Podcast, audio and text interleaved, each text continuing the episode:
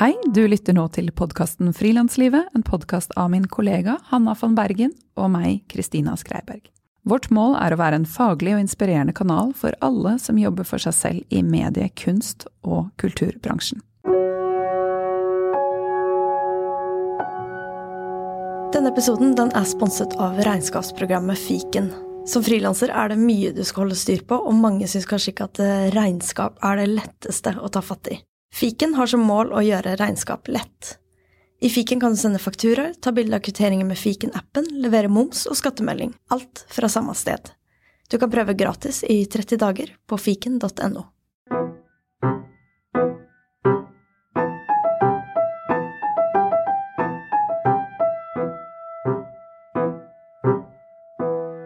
I dag har vi besøk av Alexandra Archetti Stølen, som er sjef for musikkfestivalen Oslo World.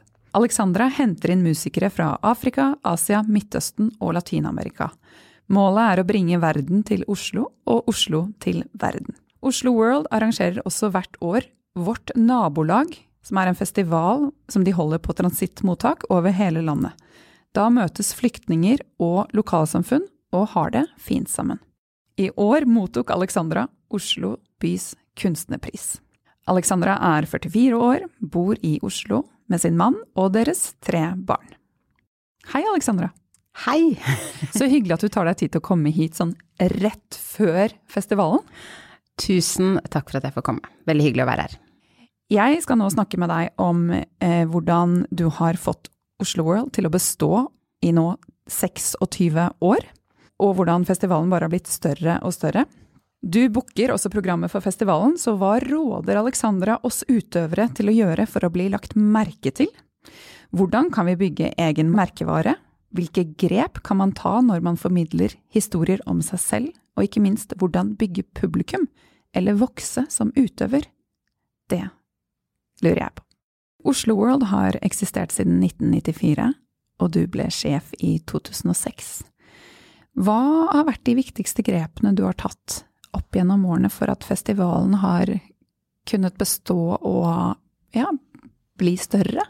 Oslo World var jo når vi startet i en slags særstilling, fordi vi ble jo faktisk startet i Rikskonsertene. Det var et statlig prosjekt eh, som i utgangspunktet handlet ganske mye om å bekjempe rasisme og fremmedfrykt på 90-tallet.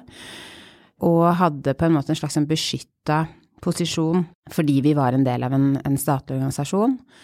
Eh, når jeg tok over da i 2006, så, så var jo jeg 30 år. Jeg var jo yngre, betraktelig yngre enn hun som hadde da drevet festivalen så å si siden starten. Og hadde et sånn slags typisk eh, pågangsmot og en selvtillit som tenkte at nå skal jeg gjøre masse forandringer, og nå skal festivalen bli sånn og sånn etter å ha vært der i et år, så skjønte jeg jo kanskje veldig fort at festivalen hadde en veldig viktig rolle og hadde et veldig sterkt kvalitetsstempel. Jeg tenker at den kvaliteten i musikken var noe av det aller viktigste å bevare. At man hele veien har tenkt at å bringe kvalitetsmusikk fra hele verden til Norge var på en måte grunnbasen, og det har vi egentlig ikke veket fra i det hele tatt.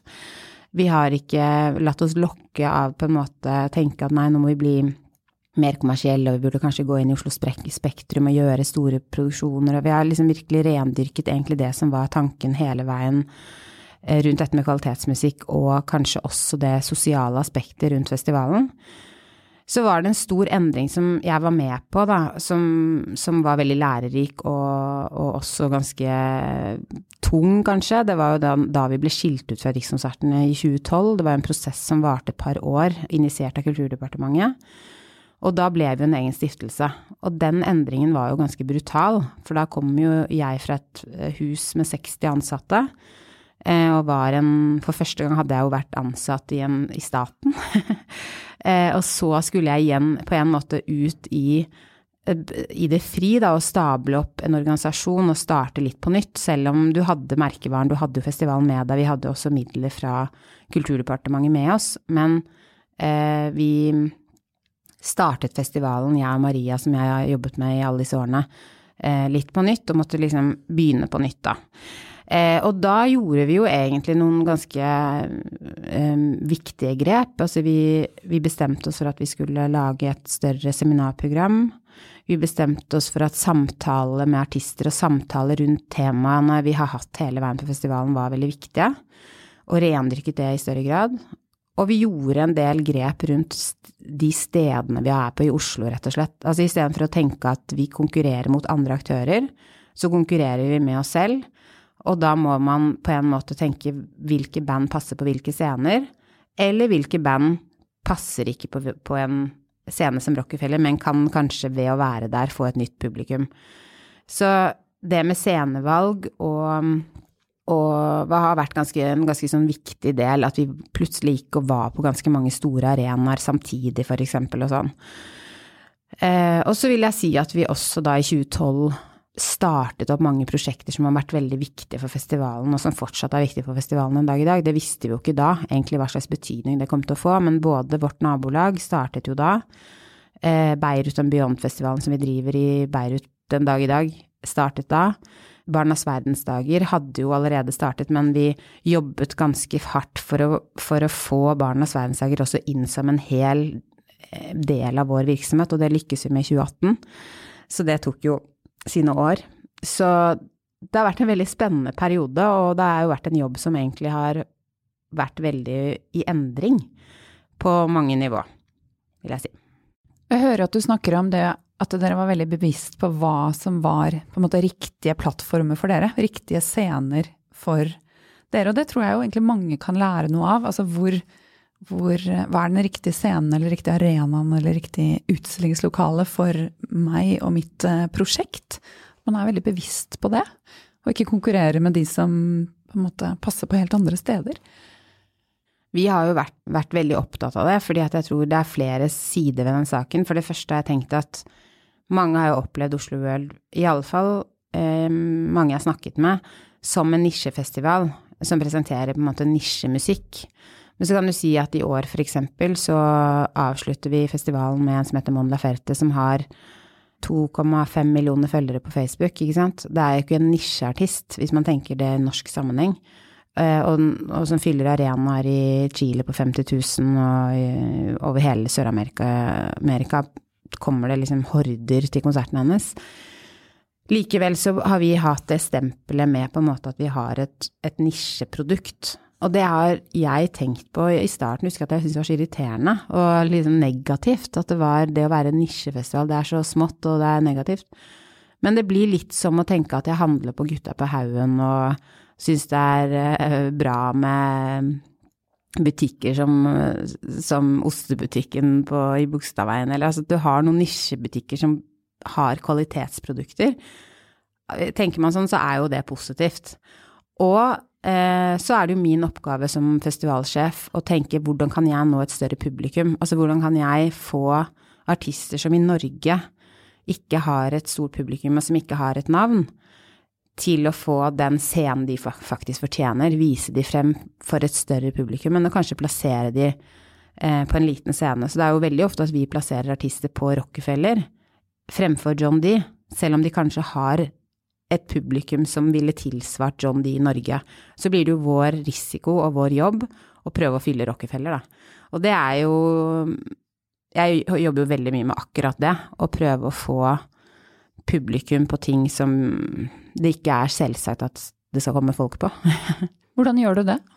Det er veldig, veldig varierende fra konsert til konsert, selvfølgelig, og fra artist til artist, men vi jobber jo nesten på et sånt mikronivå på, med våre artister, med våre konserter. Vi jobber veldig enkeltvis med konsertene våre. Jeg tror mange festivaler eh, jobber mer helhetlig med en opplevelse, at man kommer om til et område, og det er på en måte helheten, det sosiale, det er maten, det er eh, øl, det er liksom Kanskje ute så er det jo sol eller regn eller ja, men det er i hvert fall en annen opplevelse. Vi jobber jo målretta med hver venue og samarbeider med de, eh, og så har jo vi gjerne et litt annerledes kanskje publikum enn eksempel eh, Blå har gjennom året eller Rockefeller har gjennom året. Og da jobber vi jo også med um, nisjemiljøer, vil si det kan være um, eksempel en organisasjon som Heia Brasil, som er ganske aktiv i forhold til å promotere brasiliansk uh, politikk og kultur.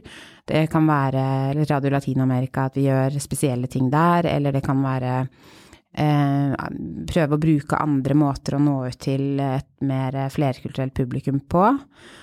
Og så gjør vi jo mye vi har gjort ganske mange nye grep rundt våre sosiale medieflater, med både å være litt mer opplysende, særlig i år, og fortelle mer historier rundt artistene våre, sånn at folk virkelig skjønner hvem det er, og blir nysgjerrige, skaper nysgjerrighet rundt det. Eh, og så prøver vi også hvert år å ha nye tilnærminger til promotering, altså istedenfor å tenke alltid hvor, hvor når vi våre kjernemålgruppe, er det via en annonse i Aftenposten? Jeg tror jo at mange av våre publikummere nås via Aftenposten. Men i år så har vi for eksempel eh, laget en kampanje sammen med NRK, eller Svart humor i NRK, eller Josef i NRK. Dette er ikke en NRK-kampanje, men det er en Oslo World og Josef-kampanje. Som kanskje ikke er sånn direkte promotering av en enkelt konsert, men som er en synliggjøring av festivalen som helhet, og som gir oss likeklikk på sosiale medier. Så det å prøve å gå litt utenom de vanlige eh, veiene som vi nesten alltid går, tror jeg er litt viktig fra år til år for å fornye seg og for å få andre typer følgere. Men så har vi en festival som er veldig opptatt av at mangfold handler om mer enn hudfarge. Det handler om alder, det handler om etnisk tilhørighet, om kanskje religiøs tilhørighet. Men særlig det med alder har vært viktig for Oslo Øl, egentlig i hvert fall helt siden jeg starta og før det òg. At du skal kunne være 65-70 år og gå på blå og ha det ganske gøy. Du skal ikke føle at du kommer dit og her var det bare 19-åringer på speed, liksom. Ikke at det er en veldig sånn rar ting å si, kanskje, for det er jo veldig mye ymse folk som går på blå, men det er i hvert fall, eh, for å sette det litt på spissen, at du skal kunne føle deg hjemme uansett hvor du går. Og du skal også kunne være 20 år og sette deg inn i Kulturkirken Jakob og bli helt bergtatt av noe du aldri har hørt om før litt den opplevelsen føler vi at vi har lyst til å skape for publikummet vårt, da. Og sånn møtes jo folk, og jeg tror det er en kjempeverdi at man sitter ved siden av en 70-åring, og sitter ved siden av en man ikke kjente fra, fra Grenland på 22, liksom.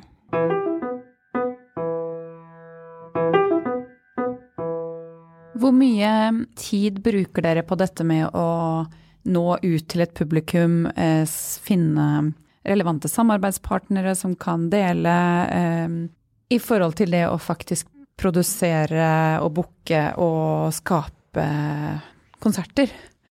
Det å jobbe med å nå ut til publikum, skape interessant innhold sånn at publikum blir oppmerksomme på oss, og pressen ikke minst, eh, det bruker vi masse tid på. Jeg vil, si at vi bruker eh, ja, veldig masse tid på det. Og så har jeg jo noen, noen spesifikke personer som jobber f.eks. bare med å finne Altså ikke bare det, da, men som en av oppgavene deres er å finne frem til uh, interesseorganisasjoner, grupper på internett som er sånn peruanere i Norge, masse forskjellige grupper som fins, ikke sant, hvor man da blir medlem og, og, og deler ting, har konkurranser. Eh, altså det, det, er, veldig tidkrevende, det, men det gir, eh, gir, også resultater.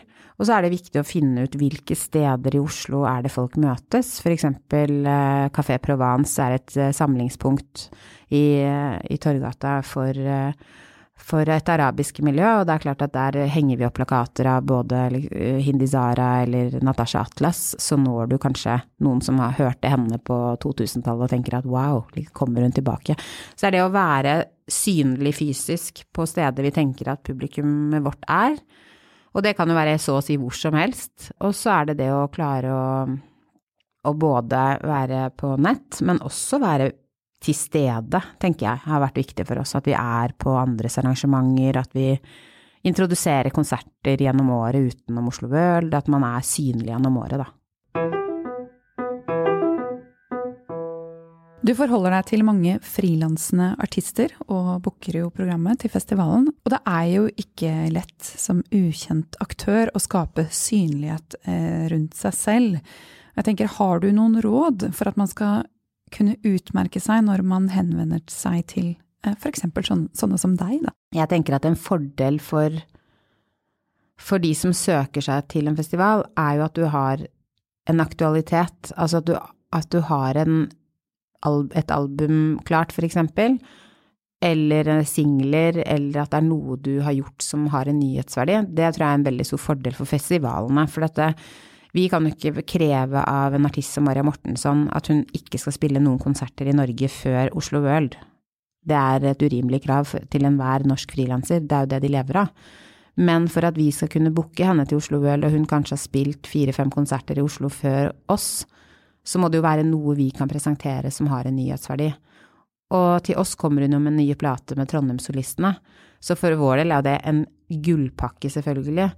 Men, men, det er jo også et slags premiss vi må, vi må stille, fordi at vi Det er urettferdig, særlig for norske aktører, å spille på Oslo World, og så står publikum og velger mellom skal jeg gå og høre eksempel Bombino, eller skal jeg gå og høre en artist som spiller uh, annenhver uke på Krøsset? Ikke at det er noe gærent i det, for jeg skjønner veldig godt at man gjør det, men da velger veldig mange av våre folk Pombino, for de tenker ja, men da går jeg heller og hører ham på Krøsset om en måned. Så det jeg tenker er at skal man få skape et momentum, så må man kanskje planlegge den festivaljobben i samarbeid med oss, eller i sitt eget hode, helst i samarbeid med oss, og så får man til en sånn maksimal utnyttelse av det momentumet. Det er også ganske vanskelig å få til, fordi at man er jo tross alt avhengig av inntekter, man er avhengig av å, å tenke at ja, nå fikk jeg den muligheten, nå kan jeg spille der, nå kan jeg spille der. Så det er hele tiden en avveining som frilansmusiker, og hvor mye kan jeg på en måte spille meg ut før noe som er litt stort for meg, eh, blir jo en avveining. Av, avveining vi har jo, har jo, veldig respekt for yrket, og vi har veldig respekt for de artistene som spiller hos oss, sånn at vi, vi forsøker å være ganske rause i forhold til det aller meste som dukker opp. Men så ser vi jo og har erfaring med at har man spilt på Parkteatret to uker før Oslo World, så kan det være et problem hvis det er der du skal spille om to uker for oss, da. Så man må på en måte ha en dialog og, og tenke at man kanskje ikke skal takke ja til absolutt alt, men heller eh, håpe på å, å, bygge seg opp en eller annen form for eksklusivitet, da. Det er jo ikke lett, men eh, ja. Nei, det er jo ikke lett, fordi hvis man syns for lite, så er jo det negativt òg eller? Ja, det er det. Så det er, det er den balansen å klare å, å, å klare. Det jeg tror er jo at, eh, at, vi har jo i Oslo World, hvis jeg skal tenke ut ifra årets program, så er det jo ikke så mye norsk vi har. Det har vi jo aldri. Vi har veldig lite norsk på programmet. Og det vi gjør av norsk på programmet, er jo stort sett, som jeg sier, noe som har en eller annen aktualitet. Aller helst et plateslipp, eller noe som er relatert til noe nytt materiale. Eller samarbeidsprosjekt. Så i år gjør vi jo, gjør vi jo, har vi jo tre platelanseringer med norske artister, og det er klart at det er jo for en festival helt gull. For da, kan jo vi jobbe med våre pressekanaler og få veldig gode resultater, og det er også veldig bra for artisten at vi kan at vi kan ha kontakt med Aftenposten og sikre oss at plata anmeldes i Aftenposten i Oslo World-uka, at det times riktig i forhold til når de spiller konsert. Så tror jeg for artisten også at de undervurderer litt sin egen rolle. At eh, eh, Jeg mener, folk som følger meg på Facebook, syns jo sikkert det er kjempekjedelig at jeg aldri legger ut bilder fra morgenbadet på Malmøya eller eh, turen, blåbærturen med unga mine i skogen eller noe, for jeg har en slags sånn ingen privat eller prøver i hvert fall å ikke legge ut noe av barna og noe av sånn. Og det blir jo da veldig mye Oslo World-relatert stoff. Men det er det jeg jobber med. Så jeg prøver å skape mest mulig blest rundt det jeg jobber med. Så jeg tenker at når du er musiker, så bør du si det du holder på med. Fortell mest mulig om det du gjør.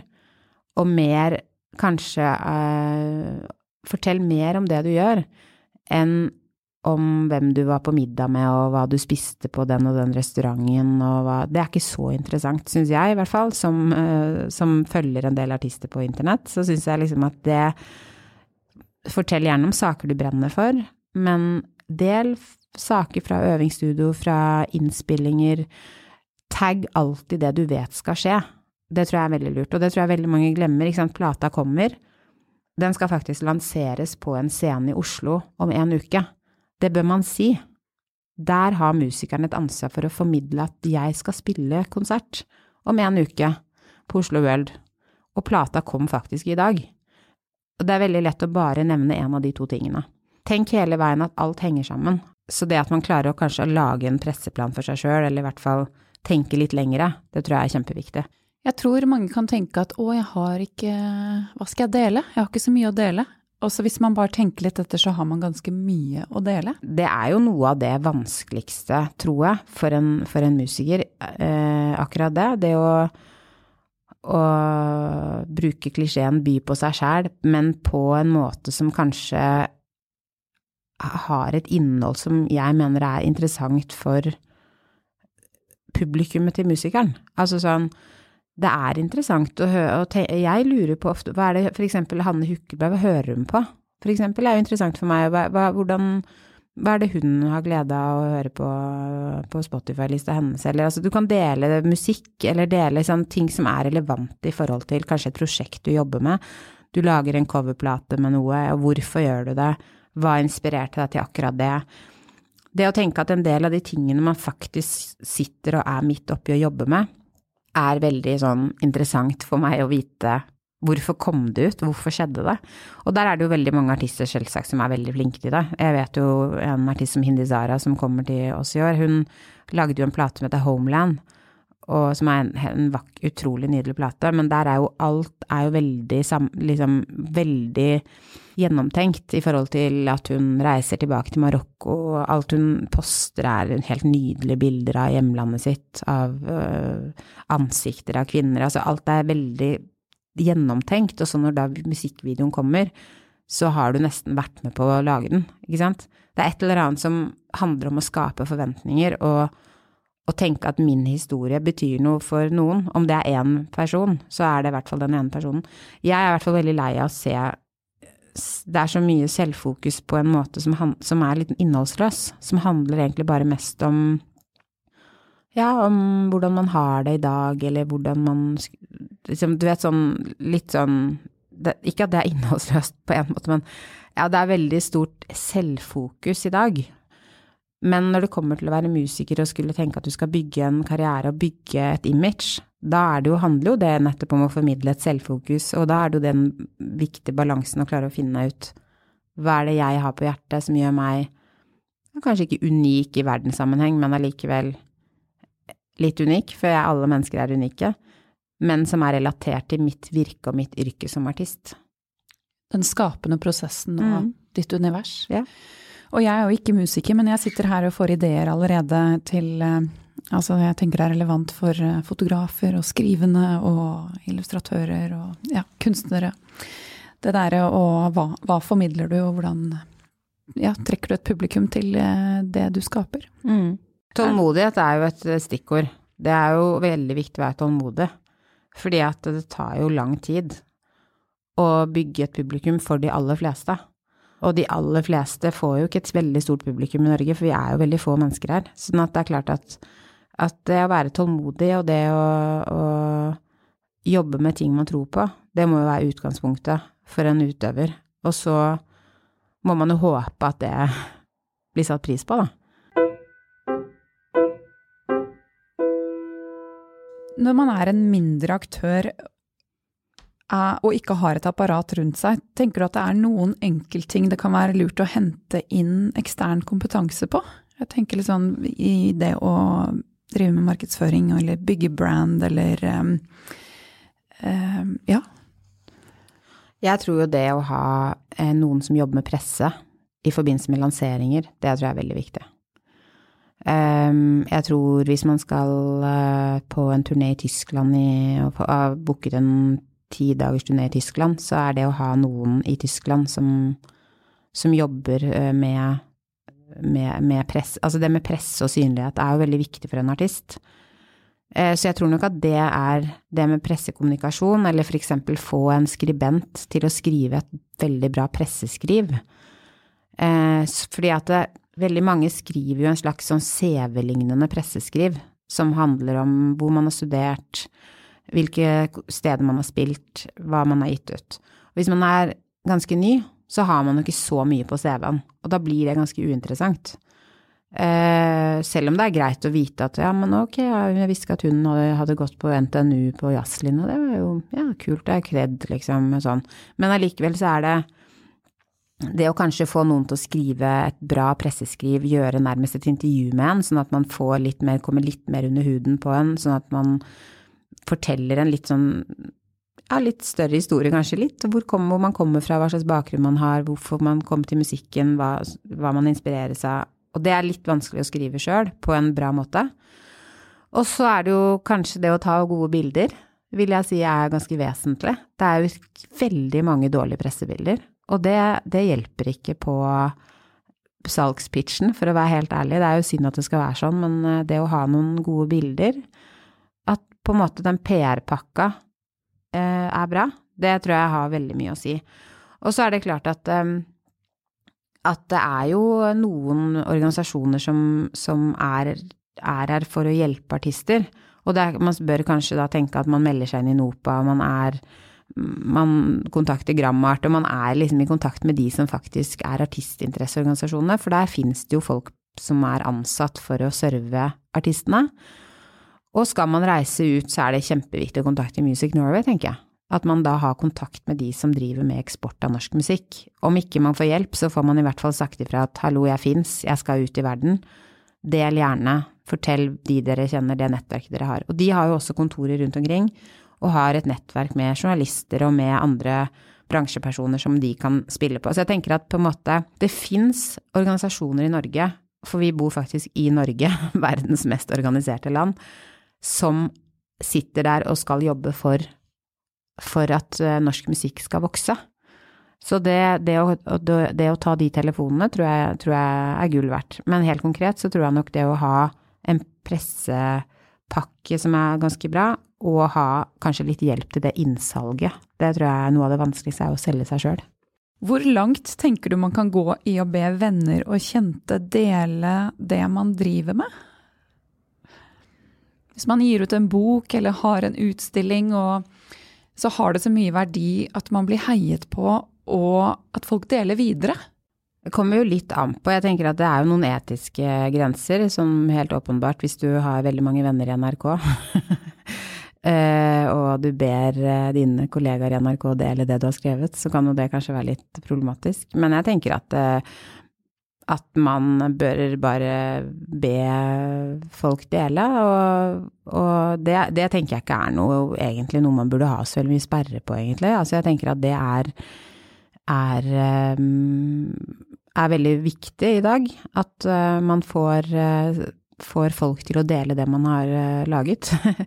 Det beste selvfølgelig er jo at eh, folk deler det helt uoppfordret, og så kan man selv eh, dele det andre har delt. For det er jo noe med det at man eh, Gi tilbake. Ja. ja, ikke sant. Og det var jo faktisk nå på søndag hørte jeg Anne-Kat. Hærland på radio i dette programmet til Aleia, Eia, og da fortalte hun at hun er så allergisk mot journalister som deler sine egne saker. Liksom, se, det, nå skrev jeg denne kronikken i Dagens Næringsliv, sånn. Jeg deler alltid, jeg. Ja. ja, ikke sant. Men det var jo det, Når hun sa det, så måtte jeg kjenne etter litt sånn oi. en sånn slags skamfølelse. Men uh, det er jo et eller annet med at uh, hvis uh, en journalist i, i, i Aftenposten skriver en utrolig bra sak, og så deler jeg den, så er jo det på en måte veldig, altså veldig bra for den journalisten. Men det er klart, kanskje ikke jeg hadde fått det med meg hvis ikke han hadde delt den. Så det med deling er jo litt tricky, fordi jeg tenker at um, hvis man er i en startgrop og skal synes, så er det jo en veldig fordel at, at, at, man bare rett og slett får det ut. Og da må man jo bruke de kanalene man har, tenker jeg. Det kan jo også bli litt mye Også litt slitsomt. Av en selv? Ja, også veldig slitsomt. Jeg tror man kan bli veldig lei av seg sjøl. Det tror jeg veldig mange blir og har veldig lange pauser fra offentligheten eller fra sosiale medier og sånn, at man trenger litt sånn avbrekk. Jeg har jo skikkelig respekt for Ane Dahl Torp, som, eh, som ikke er, er, på Facebook og har en veldig sånn nulltoleranse for at barn under 13 skal holde på med sånt og, og så videre. Hun er jo veldig aktiv og skrevet veld, veldig bra saker, syns jeg i hvert fall, i avisen sånn, om akkurat det. Og hun er jo en person som definitivt uh, veldig mange kunne ha hatt glede av å få et innblikk i hennes liv. Liksom innspillingen av Heimebane og Hallo, ikke sant.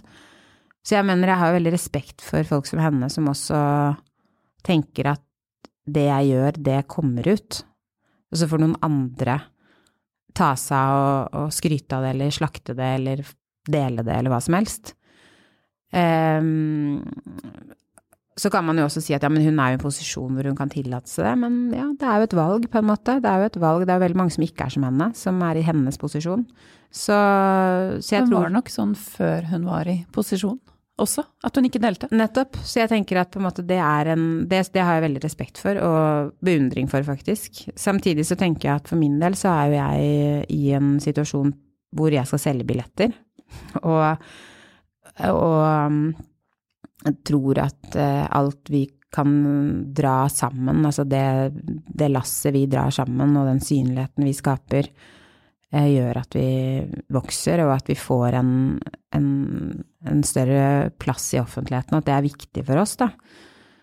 Men jeg tror ikke at den nødvendigvis synligheten skapes ved at jeg legger ut hva jeg bakte på søndag ettermiddag, eller at jeg fikk kjempemasse kantareller når jeg var i skogen på Helgøya, eller ikke sant. Det er ikke nødvendigvis det som gjør at, at uh, jeg selger billetter til årets åpningskonsert.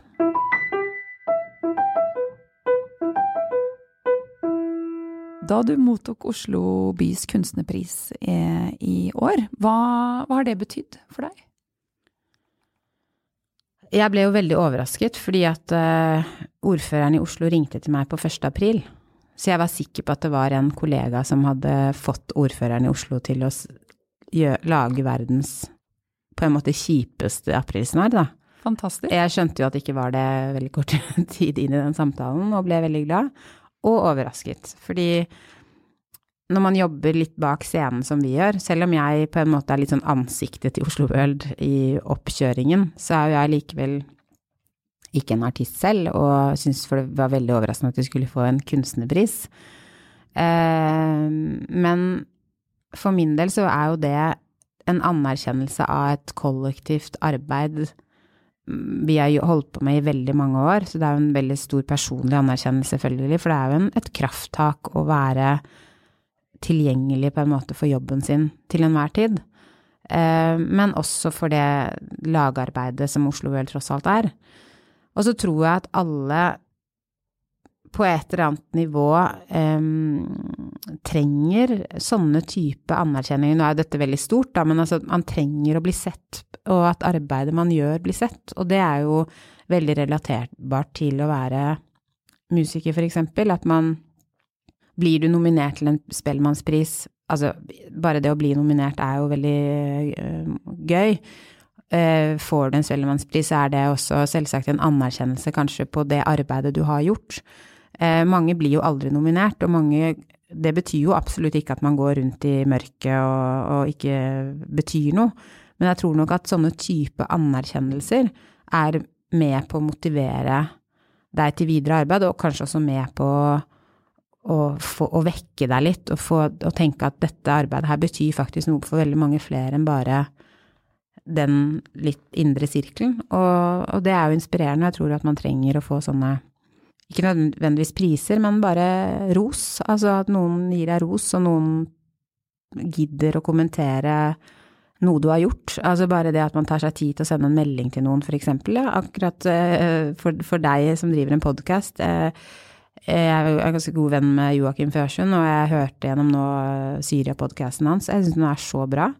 Og sender en Fantastisk bra. Ikke sant. Og da, da, hadde ikke jeg trengt å sende han en tekstmelding søndag klokka fem og sagt at her sitter jeg og griner på kjøkkenet, for det er liksom Men det at man, man, man kan tenke at det å få en pris er litt det samme som å få ros. Og når man er jobber frilans eller jobber litt med sånne type prosjekter som vi jobber med i vår bransje, så er det kjempeviktig for å fortsette det arbeidet man er oppi, da. Ja, man trenger å bli heiet på eh, iblant, mm. i litt sånn stor og, og, liten grad, for å beholde pågangsmotet. Mm. Så heiing er viktig. Heiing er veldig viktig. Tusen takk for at du kom, Alexandra. Tusen takk for at jeg fikk komme.